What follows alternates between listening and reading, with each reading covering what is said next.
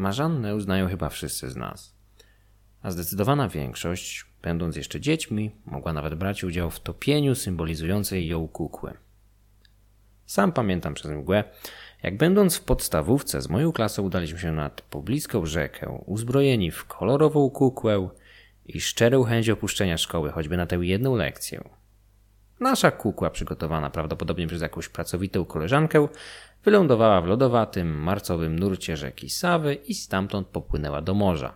Albo do najbliższego konaru bądź lodówki, jakich wiele leżało wtedy w rzekach. Lata dziewięćdziesiąte rządziły się swoimi prawami. Dla dziecka topienie marzanne było swego rodzaju zabawą. Pożegnaniem zimy i przywitaniem nadchodzącej wiosny, dającej okazję do zabaw na świeżym powietrzu i ogólnie cieszenia się większą ilością słońca. Nikt nie zadawał sobie wtedy pytań o pochodzenie samej kukły czy genezę tego zwyczaju, skądinąd interesującego. No bo dlaczego co roku, wczesną wiosną, w całym kraju, od wielu pokoleń, wszyscy ludzie z radością oddawali się topieniu lalki symbolizującej jakąś młodą kobietę? Dowiedzmy się więcej o samej Marzannie. Początki kultu bóstwa znanego nam pod imieniem Marzanna mogą sięgać czasów nie tylko starożytnych, lecz wręcz prehistorycznej epoki neolitu. Niestety, jak w przypadku wielu innych podobnych wierzeń, nie jesteśmy w stanie ustalić niemal żadnych szczegółów. Pewną pomoc stanowi samo imię Marzanna, które według etymologów wywodzi się jeszcze z pradawnych języków indoeuropejskich. O Indoeuropejczykach uczyliśmy się w podstawówce. Przyszli dawno temu, najprawdopodobniej ze stepów Eurazji, a następnie skolonizowali Europę, zastępując miejscowe ludy, z wyjątkiem nielicznych szczęśliwców, jak Baskowie czy Etruskowie. Tym ostatnim udało się przetrwać wraz ze swoimi dziwnymi dla naszego ucha językami. W językach indoeuropejskich słowo mar miało związek zarówno z wodą, jak i śmiercią. W łacinie na określenie morza mówimy mare, zaś w języku, w języku prasłowiańskim morie. Z mar wzięła się Mara, czyli nazwa demona śmierci, znanego od Doliny Indusu aż po zachodnią Europę pod różnymi wariacjami tego słowa. Nasza słowiańska zmora, o której opowiadałem w jednym z poprzednich odcinków, również wzięła swój początek z tego prastarego źródła językowego, tak samo jak umrzeć, marnieć, marność. Nasza Marzanna, znana również pod innymi określeniami, jak na przykład Marena, Murena, Morana, Marmuriena, Śmierciucha bądź Śmiertka, ma predyspozycję do bycia naprawdę wiekową i popularną boginią. Jak już wspomniałem wcześniej, nie wiemy nic o kulcie tego bóstwa z czasów archaicznych, to jest starożytności i prehistorii. Według obecnego stanu wiedzy, tej oficjalnej, Słowianie pojawili się na kartach historii na przełomie umownych epok znanych nam jako starożytność i średniowiecze, czyli gdzieś około V i VI wieku naszej ery, gdy w Europie dogasały zgliszcza zachodniej części Imperium Rzymskiego, zaś jego ocalała wschodnia część zbierała siły do odzyskiwania straconych ziem. Wtedy właśnie kronikarze z Konstantynopola zanotowali w swoich relacjach po raz pierwszy wzmianki o ludach będących najprawdopodobniej naszymi przodkami Wendach i Antach. O zwyczajach i wierzeniach Słowian z tamtego okresu wiemy mniej niż mało. Praktycznie nic poza paroma zdaniami w tej czy innej greckiej kronice. Aby dowiedzieć się czegoś więcej o naszej Marzannie, musimy poczekać jeszcze kilkaset lat, do pełnego średniowiecza, gdy słowiańszczyzna była w trakcie intensywnej chrystianizacji. Tak jak z wieloma innymi bóstwami bądź demonami, o Marzannie dowiadujemy się głównie z opisów zwalczających jej kult księży, mnichów i innych hierarchów kościelnych, takich jak na przykład Jan Długosz. Na pierwszą spisaną wzmiankę o kulcie Marzanny musimy czekać aż do 1202 roku, kiedy to czeski skryba, niejaki Wacerat, sporządził swoją glosę, czyli komentarz do najstarszego czesko-łacińskiego słownika, gdzie przyrównał naszą bohaterkę pod imieniem Morany do Hekaty i Prozerpiny, rzymskich bóstw kobiecych zamieszkujących za światy. Hekate odpowiedzialna była za magię, ciemności, czary i zaświaty. Prozerpina zaś była małżonką niejakiego Dispatera, rzymskiego odpowiednika Hadesa, boga podziemi. Większość z nas poznała jej grecką odpowiedniczkę Persefonę, córkę Demeter, którą siłą uprowadził samotny, lecz porządliwy Hades. Chrześcijańscy uczeni bardzo często przekazywali informacje o bóstwach pogańskich, używając ich grecko-rzymskich zamienników zamiast oryginalnych nazw, których często nie mogli nawet wymówić. Swoją drogą, jak poprawnie wymówić Pereput lub Swarożyc, gdy jesteś niemieckojęzycznym mnichem piszącym po łacinie. Na określeniu tego trendu wymyślono dwie formuły: interpretatio greca oraz interpretatio romana, często spotykane w naukowych pozycjach poświęconych wierzeniom kultur istniejących na obrzeżach świata Greków i Rzymian. Z, komentarza w Wacerada widzimy więc, że Marzanna była przyrównywana do bóstw śmierci, zaświatów i magii. Ale na tym nie koniec.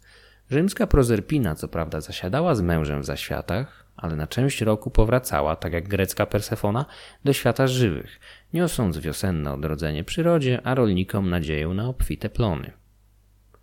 W tym miejscu objawia się ambiwalentny charakter Marzanny, podkreślany również przez innych autorów. O charakterze Marzanny jako obrazu śmierci dowiadujemy się z postanowień Synodu Praskiego z 1336 roku. Relację synodu cytuję za Aleksandrem Brücknerem. O obrazie śmierci. Ponieważ w niektórych grodach, miastach i wsiach zakorzenił się nierząd w duchownych i świeckich, co wśród postu obrazy w postaci śmierci przez miasto z śpiewami i igrami zabobonnymi nad rzekę wynoszą i tam gwałtownie topią, twierdząc na swe pohańbienie, że śmierć im więcej szkodzić nie będzie, jakoby wyczerpana i całkowicie wyświęcona z ich granic. Postanowienia synodu nie trafiły na podatny grunt i kilkadziesiąt lat później trzeba je było ponawiać, napominając duchowieństwo, aby stanowczo sprzeciwiało się obnoszeniu i topieniu obrazu śmierci pod postacią Marzanny. Powyższe źródła pochodzą z obszaru Czech, ale również Polacy mieli w, w zwyczaju topienie śmierci wczesną wiosną, o czym wspomina w XV wieku Jan Długosz w dziejach polskich, przyrównując Marzannę do rzymskiej Cerery, czyli greckiej Demeter, bogini płodności, a do towarzystwa dając jej Dziewannę, jego zdaniem będącą odpowiednikiem Diany Artemidy.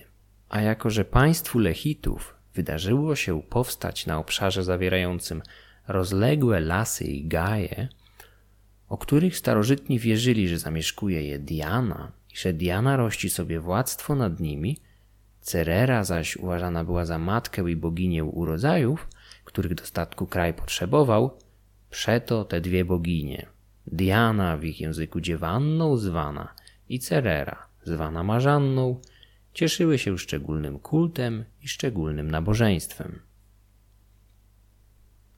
Słynny dziejopis widział w rytuale topienia wspomnianych postaci echo dawnego unicestwienia pogańskich posągów bóstw, dokonanego przez Mieszka I niemal pół tysiąca lat wcześniej. W niedzielę środopostną kruszą bałwany, a że prawie po wszystkich miastach, miasteczkach i wsiach znaczniejszych polskich znajdowały się obrazy bożków, bogiń, bałwany i gaje, które nie tak prędko i skwapliwie wycinano i kruszono, jak nakazał był książę Mieczysław, czyli Mieszko. Przeto siódmy dzień marca został wyznaczony przez Mieczysława do skruszenia i zniweczenia ich po wszystkich ziemiach polskich. To bożków, bogiń i bałwanów kruszenie i topienie, w ten czas wykonane w niektórych polskich wsiach, wyobrażają do dziś dnia wznosząc na długich drzewcach obrazy dziewanny i marzanny i rzucając i topiąc je w bagnach w niedzielę środopostną. I dotąd u Polaków nie ustało wykonanie obrządku tego według starodawnego zwyczaju. Relacja Długosza zainspirowała niektórych badaczy do wysunięcia wniosku, że sam zwyczaj nie był tak stary, jak się wydaje, i faktycznie narodził się dopiero po oficjalnej chrystianizacji. Teza ta nie była pozbawiona logiki, gdyż w wielu schrystianizowanych krajach topiono posągi obalanych bóstw. Najbardziej znany jest przykład unicestwienia wyobrażeń bogów dokonany na Rusi przez Włodzimierza Wielkiego w 988 roku, 22 lata po oficjalnej dacie chrztu naszego mieszka. Mówię o dacie oficjalnej, ponieważ tak naprawdę nie wiadomo, kiedy dokładnie miał miejsce chrzest pierwszego historycznego władcy Polski. Rozbieżność w estymacjach zazwyczaj wynosi około dwóch lat pomiędzy 966 a 968 rokiem, ale to materiał na inny odcinek. Wróćmy do naszej Marzanny i poszperajmy dalej w źródłach. W 1420 roku biskup poznański Andrzej Łaskarz grzmiał zambony napominając wiernych i duchowieństwo słowami Nie dozwalajcie, aby w białą niedzielę odbywał się zabobonny zwyczaj wynoszenia jakiegoś obrazu, którego śmiercią nazywają i nie wrzucano go do błota. Dzięki biskupowi poznańskiemu wiemy z całą pewnością, kiedy dokonywano obrzędu topienia kukły. Biała niedziela jest mianowicie czwartą niedzielą Wielkiego Postu, przypada więc na równonoc wiosenną dnia 21 marca. Niekiedy mówiło się na nią czarna lub śmiertna niedziela. W tym właśnie dniu dawni Słowianie oddawali kult bogu solarnemu Jaryle, kojarzonemu m.in. z urodzajem i płodnością podczas tzw. Tak jarych godów. 21 marca Tuż po równonocy wiosennej był więc dniem przepędzenia zimy, symbolizowanej przez Marzannę, będącą narzeczoną oraz, dla większej pikanterii, siostrą wspomnianego Jaryły. Paweł Szczepanik w polecanej już przeze mnie książce Słowiańskie Zaświaty twierdzi, że stanowią oni idealnie dopełniającą się parę przeciwieństw. Ona symbolizuje wodę, dół i śmierć. On zaś ogień, górę i życie. Topienie kukły bogini było dla niej rytualnym powrotem do środowiska akwatycznego, do wód praoceanu. Ludy indoeuropejskie kojarzyły środowisko wodne jako siedzibę sił chaosu kojarzonych z magią i zaświatami. Często wysuwane jest przypuszczenie, jakoby Marzanna przetrwała w ludowym folklorze i przyśpiewkach pod postacią Marysieńki, będącej w romantycznym związku z niejakim Jasieńkiem, ugrzecznioną wersją Jaryły. Nieśmiałe igraszki Jasienika i Marysieńki byłyby więc dostosowaną do nowej chrześcijańskiej rzeczywistości wersją pradawnego mitu płodności. Dla dawnych Słowian śmierć i odrodzenie człowieka było równoznaczne ze śmiercią i odrodzeniem przyrody. Podobnie w przypadku Marzanny. Skojarzenie jej ze, z obumieraniem i zaświatami nie przekreślało jej nierozerwalnego związku z odrodzeniem, życiem i radością. To skłania niektórych badaczy do utożsamiania ją z popularną na Rusi boginią Mokoszą, o której opowiem innym razem. Topienie kukieł bogini śmierci nie było procederem, który dawał się łatwo wytępić. Jeszcze długo po czasach Jana Długosza Kościół katolicki prowadził beznadziejną walkę z tą ludową tradycją. Aleksander Geisztor w swojej mitologii Słowian dzieli się z nami zapisem obrzędu topienia tzw. Tak bałwana, zanotowanym przez Joachima Bielskiego w Kronice Polskiej z 1597 roku. Za mej jeszcze pamięci był on obyczaj u nas po wsiach, iż na białą niedzielę w poście topili bałwana, jeden ubrawszy snop konopi albo słomy w odzienie człowiecze, który wszystko u wieś prowadził – gdzie najbliżej było jakieś jeziorko albo kałuża. Tam, że zebrawszy z niego odzienie, wrzucili do wody, śpiewając żałobliwie. Śmierć się wije u płotu, szukajmy kłopotu. Potem co najprędzej do domu od tego miejsca bieżeli. Który albo która się w ten czas powaliła albo powalił, wróżbę tę mieli, iż tego roku umrze. Zwali tego bałwana Marzana pieśniach ludowych niejaka Morena, skojarzona z krainą zmarłych, pojawia się czasem jako pasterka, doglądająca gęsi na zielonej łące. Z poprzedniego odcinka wiemy już, że zaświaty często kojarzono jako zieloną łąkę, na której pasły się dusze zmarłych, czasem pod postacią bydła, czasem zaś ptaków, takie jak wspomniane gęsi. Stąd też na mogiłach stawiano specjalne patyki bądź sadzono drzewa, aby dusze wracające z zaświatów pod postacią skrzydlatych istot mogły przycupnąć i odetchnąć. W słowiańskich zaświatach znajdziemy ciekawy wniosek autora, jakoby cykliczność wędrówek ptaków spowodowana zmianami pór roku współgrała z wyobrażeniami równie cyklicznej wędrówki dusz zmarłych oraz charakterem bóstw zaświatów, takich jak nasza bohaterka, Marzanna. Warto zaznaczyć, że o Marzannie wspominali liczni kronikarze w czasach nowożytnych i niemal każdy kojarzył ją z inną boginią ze starorzymskiego panteonu. Długoż zaczął utożsamiać ją z Ceres, co podchwycili dziejopisowie Kromer oraz Miechowita. Gwagnin widział w niej Wenus, zaś Stryjkowski Dianę. Przebił wszystkich Bielski, dla którego miała ona najwięcej cech wspólnych z Marsem. Całe to pomieszanie z poplątaniem wynikało najprawdopodobniej z szerokiego spektrum specjalizacji Marzanny, którego nie byli w stanie uchwycić skrybowie wychowani w tradycji łacińskiego chrześcijaństwa, zaznajomieni z antyczną tradycją wąsko wyspecjalizowanych bóstw. Jeden widział w niej tę boginię, drugi tamtą, podczas gdy mogła być zarówno odpowiednikiem Prozerpiny, jak i jej matki Ceres.